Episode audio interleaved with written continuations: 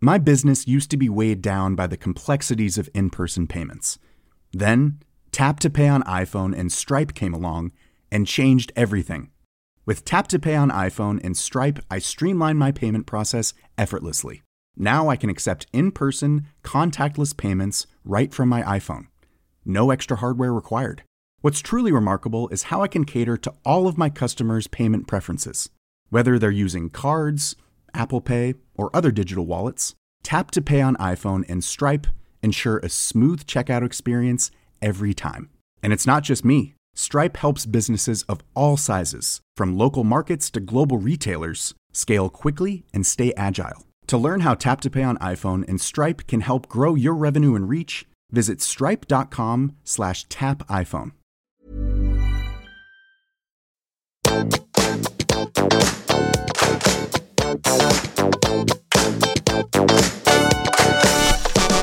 Vent litt, jeg må bare klippe mikrofonen, ble så ivrig. Ålreit! Hei, alle sammen, og velkommen tilbake til podkasten Karriereveiledning med Elaine. Ukens episode den er dedikert til alle dere som eh, gruer dere litt til smalltalken i familieselskapet, julemiddagen.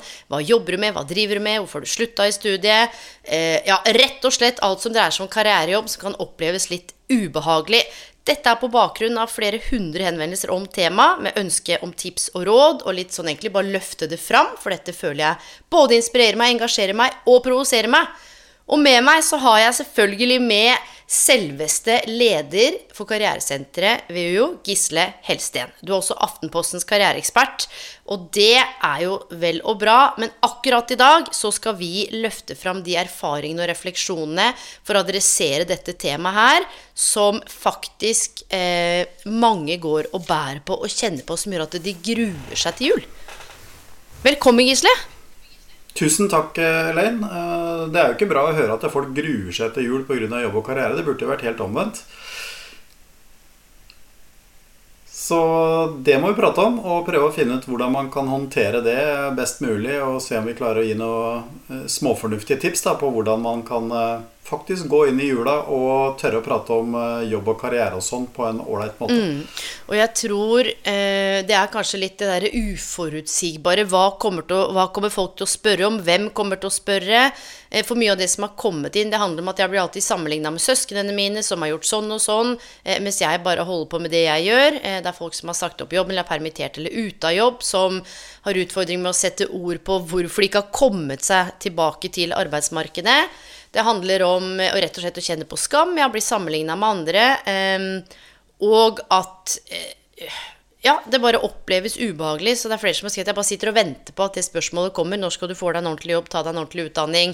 Eh, hvorfor er du ute av jobb? Eh, og en som skrev òg, jeg har hatt det ganske tøft, og da har det vært et juleselskap hvor man sa sånn Ja, ja, du er litt sliten, men det er bare å hvile seg en dag, det ser du på igjen. Eh, hvor, hvor det på en måte Ja, det oppleves ikke så godt, da. Hva er dine tanker? Hvor skal vi begynne?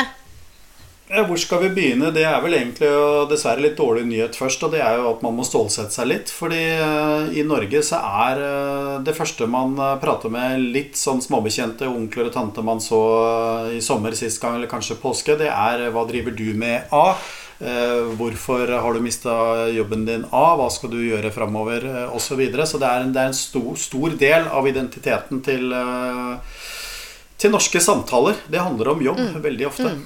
Og jeg tenker at det er jo hva, hva kommer det av? Altså at det, det, er en sånn innfallsvinkel inn, at man får på en måte kategorisert eller plassert folk. 'Å ja, du gjør sånn, ja, riktig.' For jeg kan jo også forstå for noen at det kan bringe samtalen videre. 'Å ja, ja, men du, jeg kjenner en som jobbet der', eller Men så er det også noe med det at vi vet jo aldri helt hva slags karrierehistorikk folk har hatt. Samtidig så er ikke dette her en episode hvor det ikke skal være lov til å spørre om noen ting. At man skal bli krenka fordi noen lurer på eh, hvordan det går med deg i jobben. Vi, jeg, jeg, opplever at det må være rom for sånne samtaler. Så her handler det mer om å ruste deg som kjenner på dette her, til å på en måte ta med deg noe konkret inn og være bevisst triggerne dine. Eh, og hva er det som gjør at det oppleves ubehagelig? Jeg tror vi heller må kanskje starte i den enden, for vi kan jo ikke kontrollere hva andre spør om, eller hva andre tenker eller mener. Nei, og, og ofte så er spørsmål eh, innledningsvis veldig velment. Altså man er oppriktig nysgjerrig. Eh, man har jo ikke helt kontroll alltid. Og så tror jeg det er viktig å skille mellom to ting. Det er noen som er i en ønsket situasjon, altså at man gjør kanskje noe som ikke er helt A4, eller noe som alle andre gjør. Og så er det noen som er i en uønsket situasjon, hvor de kanskje har sluttet eh, på studiene sine litt fordi de ikke fikk det til, kanskje har blitt permittert eller sagt opp, eller er et sted hvor ting ikke er som det skal være. Eh, og Ofte er det i hvert fall min erfaring at det kanskje er vanskeligere å snakke om å stå i at man har tatt utradisjonelle valg eh, som eh, kanskje ikke er eh, vanlig i den familien. Eller, eller kanskje man har tatt en jobb hvor penger og trygghet ikke er driverne, men man har andre verdier for det man gjør. Man må rett og slett forsvare et verdivalg. Eh, og det kan ofte oppleves som vanskelig. Eh, og så er det dette her med, med maktposisjoner rundt et bord. Da. Hvis det sitter 19 eh, stykker og ser på den siste som sitter der, og som er utradisjonell, så blir det jo en veldig ubalanse. Man kommer fort i forsvarsposisjon. Og det er vel kanskje noe man kan jobbe med da, for å komme Hva skal til for at man klarer å utjevne denne kurven, slik at man får en likevekt eh, i samtalen, og ikke på en måte at man må forsvare seg mot, eh, mot, et flertall. Ja, og jeg tenker at Hvis vi skal konkretisere det, så er det inne på noe som kanskje er kjernen litt i det å være menneske, og det å ha et bevisst forhold til verdiene sine, og kanskje for sin egen del nå kunne kjenne på Eh, som du sier, når det gjelder utradisjonelle valg, da, eh, hva er det som gjorde at du tok det, og på en måte stå for det? Men så er det også noe med de som ufrivillig nå er permittert eller er ute av jobb, er sykemeldte. Eh, kan være ting som virkelig er ufrivillig og ikke valgt, og så skal man liksom Ja, hvorfor har du ikke kommet deg tilbake i jobb igjen? Nå har du gått uten jobb i halvannet år, eller ja, hvorfor, hvorfor skjer det ikke noe?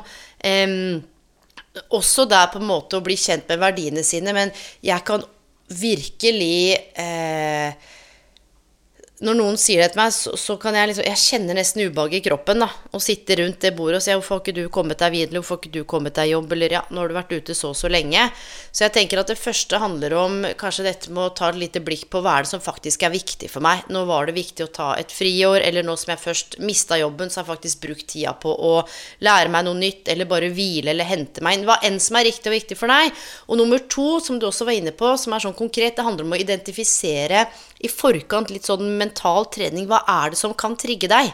Hvilke spørsmål kan trigge deg? Fordi vi kan jo aldri kontrollere hva som foregår i samtalen, men vi kan faktisk ta ansvar for hvordan vi responderer, og hvem vi gir makt. For ord betyr jo ingenting med mindre vi gir det mening. Så hva er det som skjer i deg som gjør at du blir så trigga når noen stiller det spørsmålet eller de spørsmålene. Og så kan det jo selvfølgelig handle om måten vi stiller det på. Vi kjenner jo til kommunikasjon. Noen kan jo si det med litt sånn snerpete tonefall. Ja, og du, da?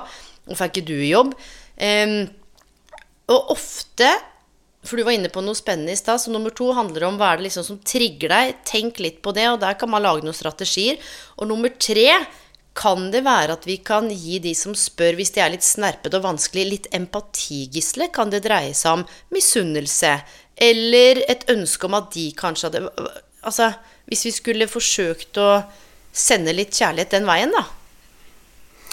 Ja, jeg tror det å, å trigge andres uh, på en måte Hva skal vi si? At de selv kanskje føler seg litt mislykka. At de kanskje selv egentlig innerst er litt uh, misunnelige. Ja så tror jeg i hvert fall ikke at vi skal gå i konfrontasjon og, og si at uh, du satt jo der med den samme kjedelige jobben din, hvor lykkelig er du? Jeg tror ikke det blir noe hyggelig familieselskap ut av det.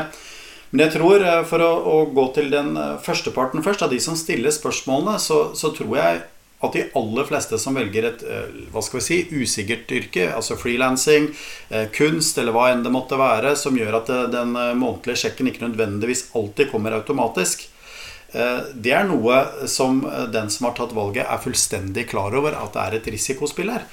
Så det kan jo være en, en god start. Da, å gjøre litt sånn rede for hva er det som er viktig for meg. Hvorfor har jeg tatt disse valgene?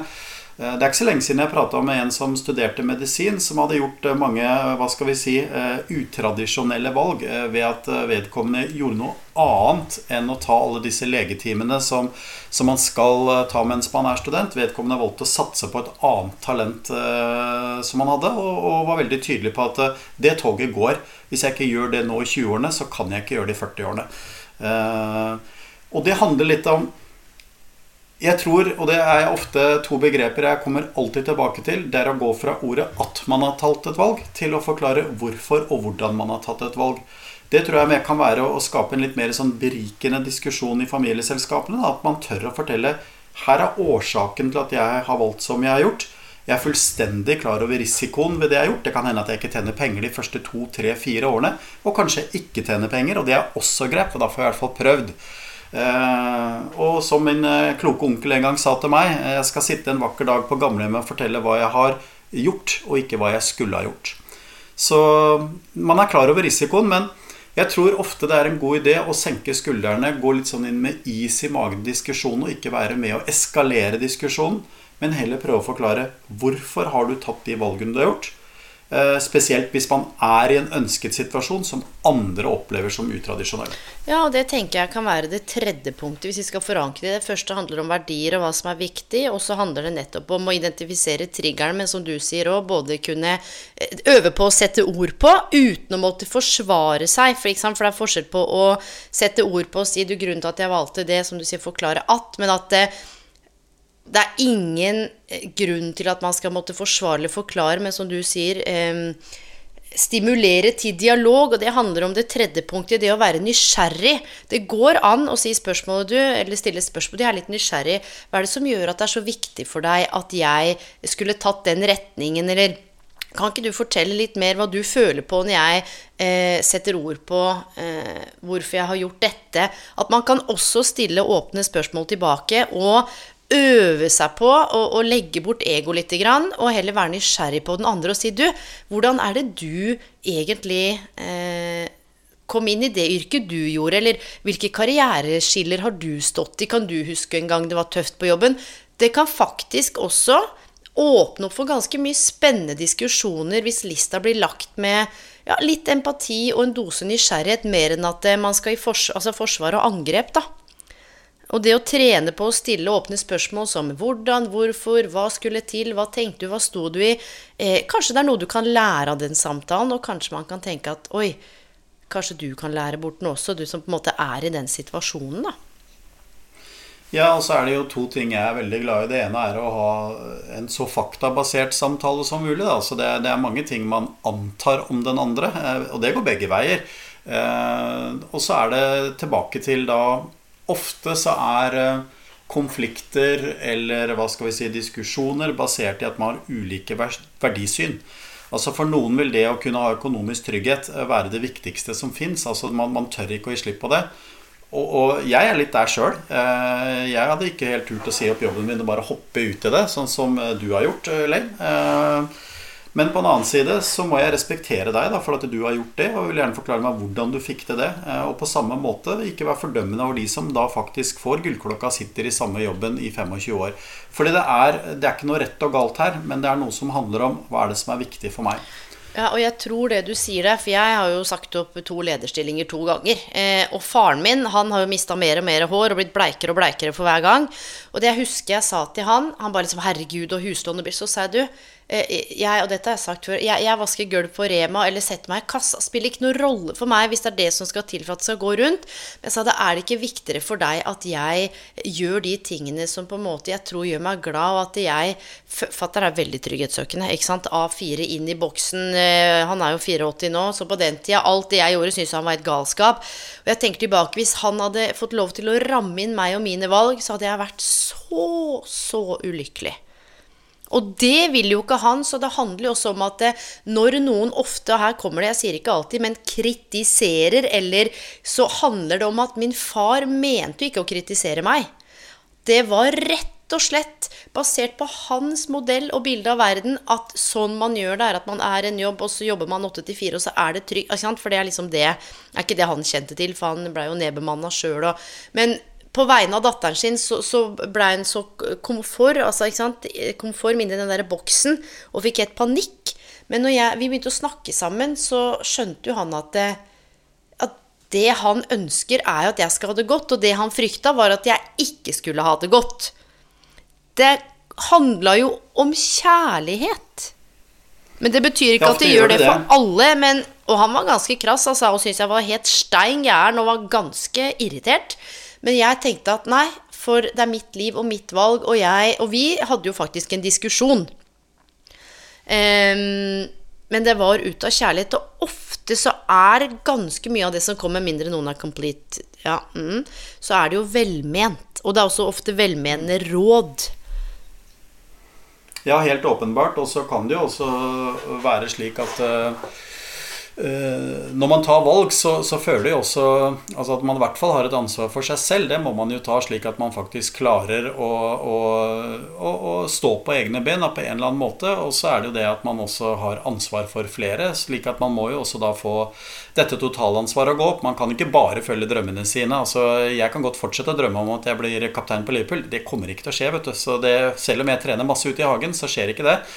Så det handler jo litt om sånn realisme også, men jeg tror noe av det viktigste er at man tør faktisk å sette seg ned og slå en ordentlig prat. Og her kommer jeg tilbake til eh, noe som jeg mener er en god løsning på det aller meste. Åpne spørsmål istedenfor å gå i forsvar. Det er mye bedre. Hvorfor mener du at dette er noe som overhodet ikke kan gå?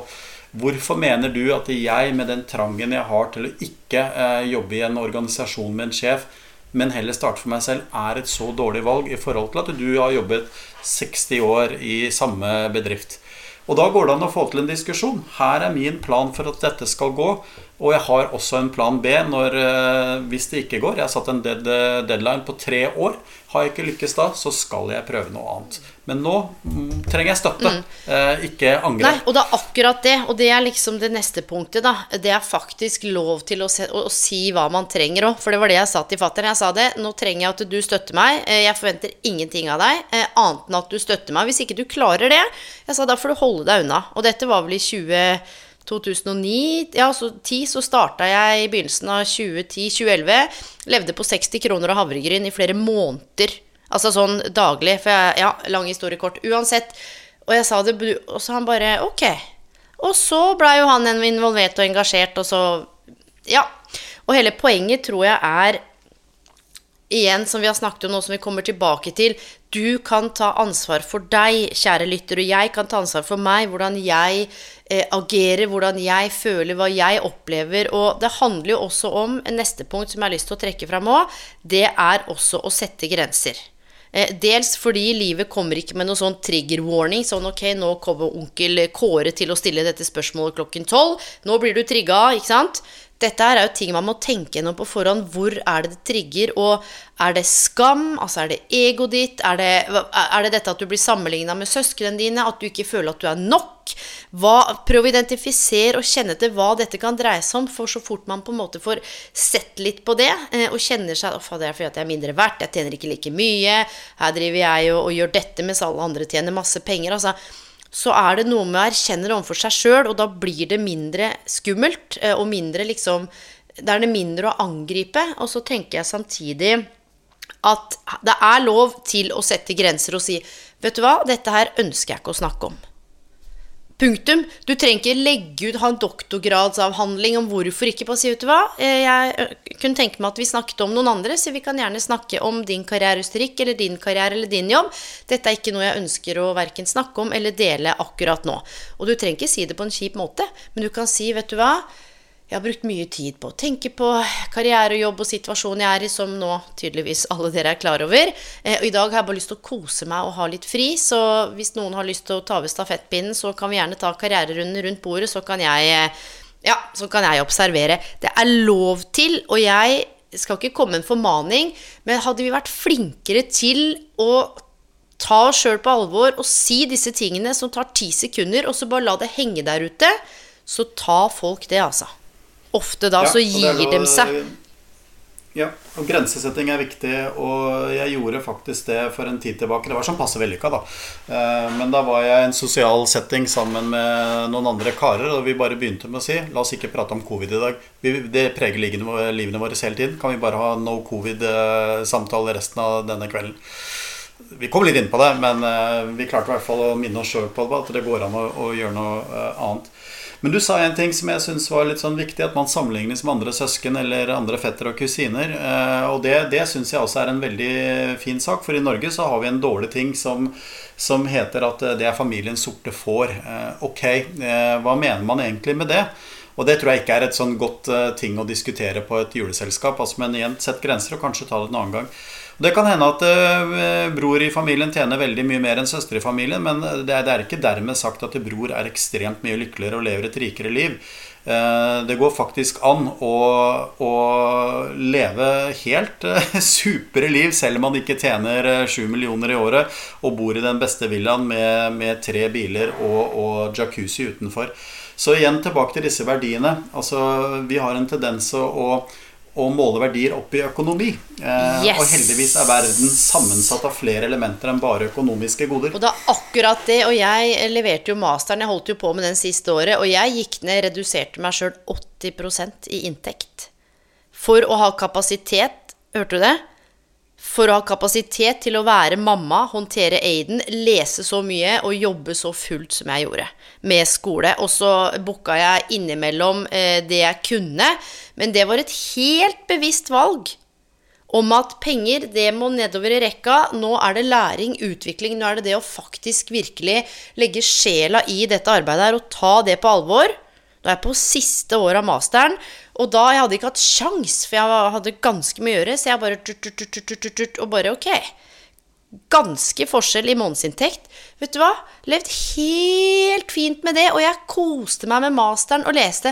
Og det er akkurat det å kunne noen ganger, hvis man har behov, også komme på noen eksempler og historier. Hvis noen hadde sagt ja, 'hvorfor dro ikke du inn fem millioner', så er det sånn du, jeg valgte å prioritere masteren, og det står Å ja. Ellers hadde jeg kanskje fått en E, da på masteren istedenfor å gjøre det superduperbra. Altså, ikke sant? For det var det som var viktig for meg da. Men nå er jeg ferdig med det. Og det at vi har jo ulike livsroller og er i ulike livsfaser og har ulike prosjekter gjennom livet. Og det å kunne si du, akkurat nå så er jeg småbarnsmamma. Det var en som skrev til meg også, eh, som har hatt en ganske tøff fødsel. Det har vært noe sykdom parallelt. Og bare øh, ikke sant, forlenga sykemelding etter barselstiden. Ja, for det er det familien din trenger nå, og jeg tror at her kommer også en sånn nøkkelpunkt. Sett ord på, å kjenne etter hva, og dette henger jo sammen med verdiene, men hva er det som gir deg mening? Og hvis du er utenfor arbeidslivet nå, kan du finne ting ved det som kan gi mening.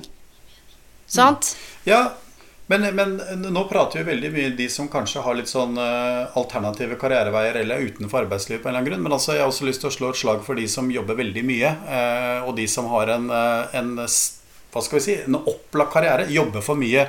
Workaholics, de som er der. Det finnes noen av dem òg, og de er også lett for å bli angrepet i den forstand at du bryr deg ikke om familien din, du henter aldri barnehagen, du melder deg aldri til 17. mai-komiteen. Og av og til så skal man være litt forsiktig med å dømme de også, for det kommer da litt an på hva slags setting de har gjort i sin lille familie, sin lille greie. På at nå skal vi satse litt på det, vi har lyst til å se hvor langt vi kan nå. Og da kan det hende at det snur seg om noen år, at da er det kanskje hun som skal jobbe mindre, han som skal jobbe mer.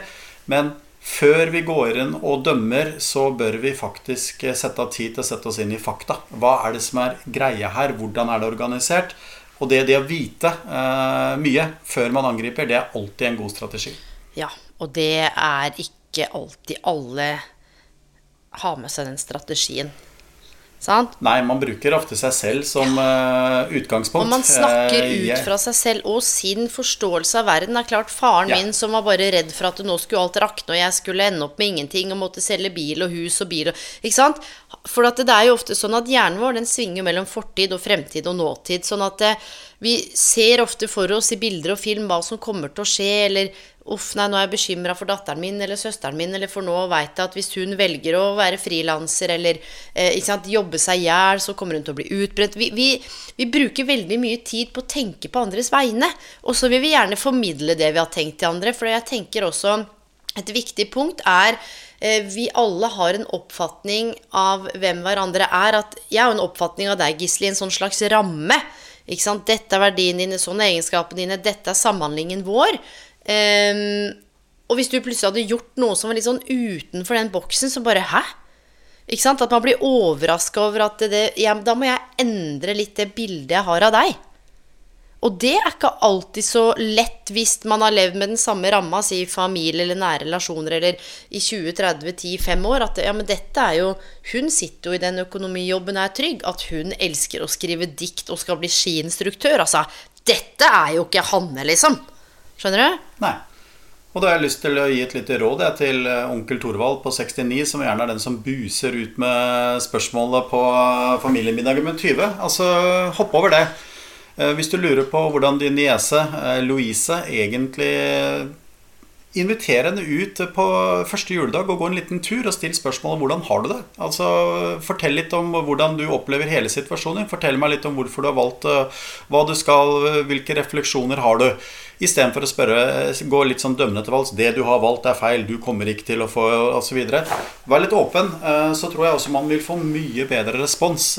Fordi det er veldig få som har valgt et utradisjonelt yrke, som ikke vet om risikoene. Og sånn er det også med de som tar utradisjonelle valg. De vet at det er noen risikoer der. La oss prate litt om dem på et overordnet nivå, og ikke det der forsvar-angrep-diskusjonene som sjelden fører noe godt med seg. Mm. Og jeg tenker sånn avslutningsvis, da, så hvis vi skal gi noen sånn konkrete Hvis vi var litt inne på det i stad, men det går an å f.eks. spørre om onkel Thorvald, da, eller noen som sitter rundt hva, hva, er det, hva er det du er opptatt av om dagen? Eh, hva er det som eh, Ja, hva er det du er nysgjerrig på om dagen? Eller hva er det du holder på å lære, lære mer om om dagen? Eller man må liksom ikke alltid rett i den karrieregreia. Og så har det jo blitt ganske sånn hipt og trendy, og jeg tror jeg har vært litt der sjøl òg. Istedenfor å spørre 'hva driver du med', så skal man spørre sånn 'hvem er du'? Veldig voldsomt og eksistensielt. Eh, å sitte rundt julemyggen og si 'onkel Thorvald', 'hvem er du egentlig'? Hva føler du nå? Så det går an å ramme inn og si du, hva er du opptatt av om dagen, eller hva bruker du dagene på, eller eh, hva er det du kjenner har vært mest viktig for deg den siste tiden? Det kan åpne opp for gode samtaler. og jeg tror ikke vi skal være så redde for dette jobb- og karrierespørsmålet. Men det er lett for meg å si, som holder på bla, bla, bla. Men jeg tror det handler om å kjenne etter. Hva er viktig for meg? Finne ut av hva er det du har lyst til at vedkommende skal sitte igjen med og ha forstått når du kanskje har kommunisert. Ja. Og så syns jeg du er veldig inne på noe med dette med grensesetting. Altså Det er ikke alt som, som må være tema på julemiddagen. Det kan være noe. Så en annen tips det er egentlig prøvd prøv noen ganger selv. For når du da har møtt onkel Thorvald sikkert ganske mange ganger, og han er, eh, begynner å nærme seg pensjonsalder, eller hva det måtte være, Inviter han med på en tur, og, og, og forsøk å lære litt av han og still spørsmål. Eh, nå som du har jobbet mange år, hva, hva, er det du er veldig fornøyd med av det du har fått til? Hva slags valg tok du som du virkelig er happy med? Og hvis du skulle fått sjansen, lek litt med, med Lek litt nå og forsøk å se Hvis du fikk velge igjen, hva tror du hadde valgt annerledes da? Altså, hva, hva, hva har du savnet etter en livslang eh, erfaring som gjelder for deg? Den gjelder selvfølgelig ikke nødvendigvis for meg, men Lær av hverandre, bli nysgjerrig på hverandre. Og dette er en sånn klassisk eh, sak mellom uh, generasjon X og generasjon Z. Ja, fortell kort de om kommer, det. Ja, det er jo slik da at uh, vi har jo en haug med generasjoner. Det begynte vel egentlig med babyboomers som kom etter andre verdenskrig. Og nå er jeg ikke, jeg er ikke helt sikker på hvor vi er nå. Er det alfa vi er på nå? Da? Altså de som er født i 2010 eller utover, og som er såkalt nettinnfødt. Og det, det som ofte eh, kjennetegner diskusjonene, det er eh, at det er krasj mellom generasjonene.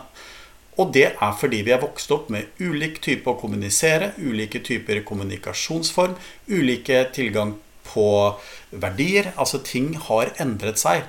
Og det all forskning viser, det er at generasjon X og generasjon Z de egentlig har alle forutsetninger for å jobbe godt sammen. Men vi må bryte ned kommunikasjonsbarrieren og det som preger den man er. Har du vokst opp med frimerke og brev, så er det annerledes enn å vokse opp med TikTok og, og Snap. Du har masse på TikTok og Snap, eller? Jeg er, har egen TikTok-kanal hvor jeg danser rømba. Uff a meg. Nei, det var ikke det. Oh. Nei. Ja, men du, du er inne på noe viktig, og dette her handler også om å ikke se alt i verste mening. Litt sånn som vi har vært inne på at, Litt sånn som med fatter'n? Det er 45 år mellom oss. Um, han var 45 når han fikk meg. Det er klart han har et annet verdenssyn, en annen frykt, et annet syn på ting. Han har jo sin verdi, hvor trygghet det var kjernen i alt, for det var det han hadde mangla når han vokste opp.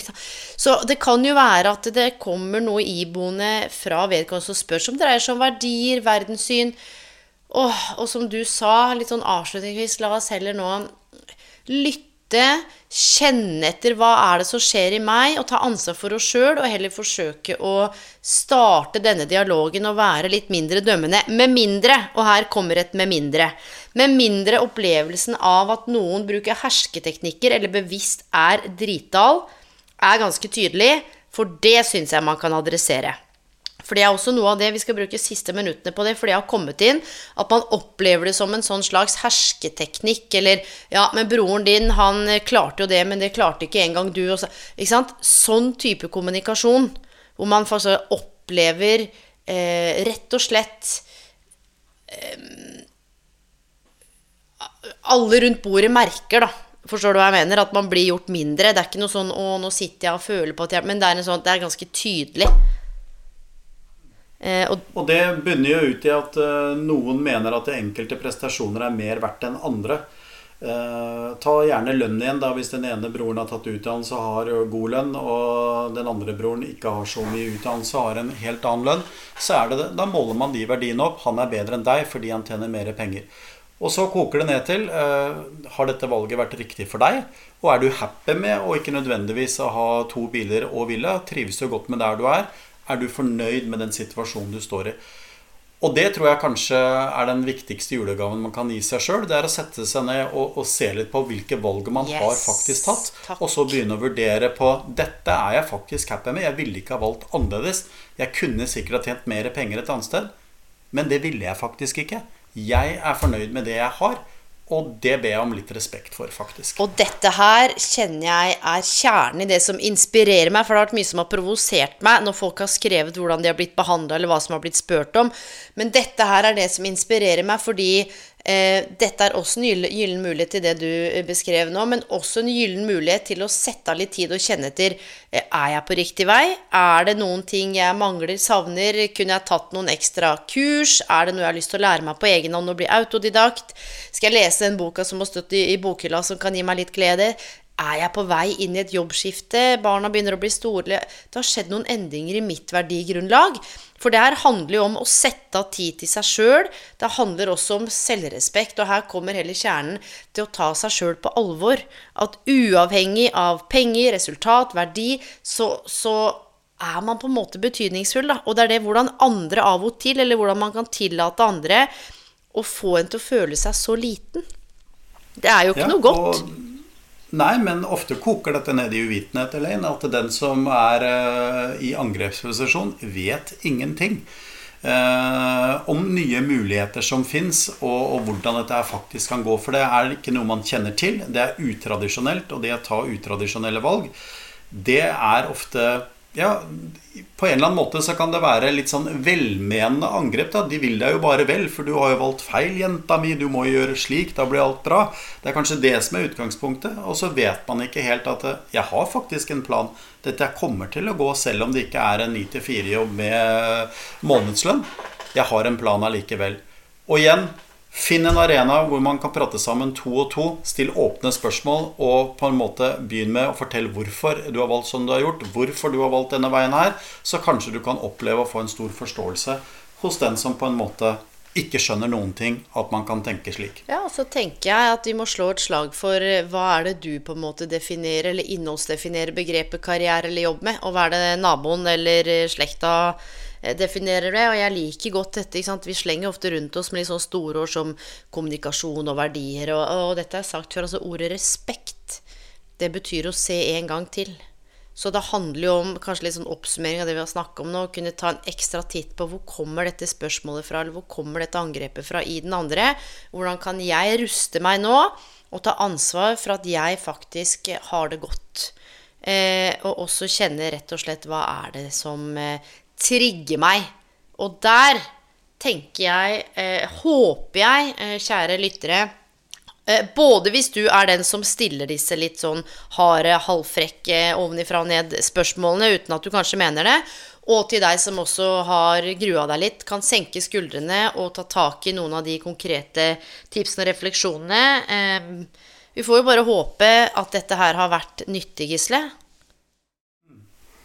Det håper jeg. Og så er det til den siste gruppa da, som eh, er i en uønsket situasjon. Altså de har blitt permittert osv. Eh, det de trenger, er eh, støtte.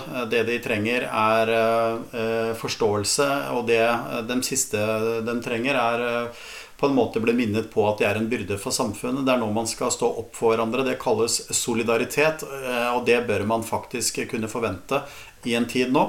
For det er ingen som velger å bli permittert.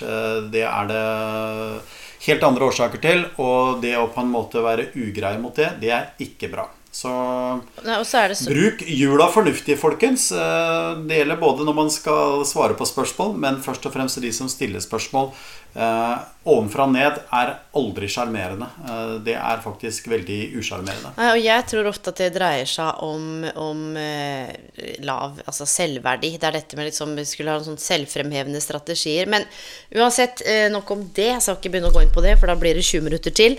Men det jeg skulle si, det var det siste du sa med dette ufrivillig og permittert. Og så er det også noe med der Av og til så hører man sånn Ja, men du er jo så flink, vet du. Kom igjen, bare kom deg ut i jobb. Eh, men av og til så trenger mennesker, eller ikke av og til ofte, at noen bare lytter. Man trenger ikke alltid komme med løsninger og gi råd. Eh, og dette er litt et tips til deg òg som kanskje skal sette ord på det og si, vet du hva Takk for at du spør. Det er ganske tøft å ha blitt permittert igjen, eller nå er jeg ute av arbeid igjen. Eh, det jeg trenger nå, siden du spør og jeg har lyst til å dele med deg, det er at du bare lytter. Og så kan vi heller ta råd eller tips altså, neste gang. Eh, for jeg kjenner at nå har jeg liksom mer enn nok med å bearbeide det. Så jeg hadde satt kjempepris på hvis du ja, rett og slett bare er med meg og lytter. Eller så kan man si, vet du hva, eh, ja, gjerne kom med noen tips og råd og avbryt meg. Det er lov til å ramme inn samtalen og også be om det man trenger. Sant? Det, det har man lov til. Men du, Gisle. Eh, god jul, da! God jul! Det er jo øh, denne tiden av året. Nå skinner sola, det nærmer seg juleferie. og så håper vi 2022 blir et uh, mye bedre år enn hva det har vært. Og da tenker jeg på denne, denne virusvarianten som driver og plager oss. Uh, stay safe, uh, alle lyttere. Mm.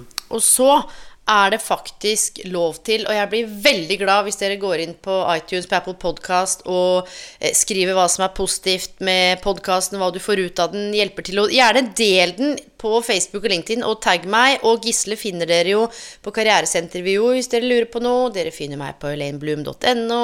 Eh, grunnen igjen, jeg har sagt det tusen ganger, denne podkasten her hadde ikke vært hadde det ikke vært for dere lyttere. Og alt det dere sender inn, det var akkurat de tilbakemeldingene at mailboksen min var full av dette her, som gjorde at jeg fikk inspirasjon til å lage denne episoden. Hei meg rundt, kontakta Gisle, som tilfeldigvis hadde 30 minutter. Og så fikk vi eh, skapt noe som ikke har vært skapt før. Og denne er til alle dere som vi håper nå kan senke skuldrene litt og tenke seg litt ekstra om. God jul. God jul og på gjenhør, mine venner. Jeg takker fri, så det kommer en ny episode i romjulen. Ha det godt, og takk, Gisle. Ha det. Ha det.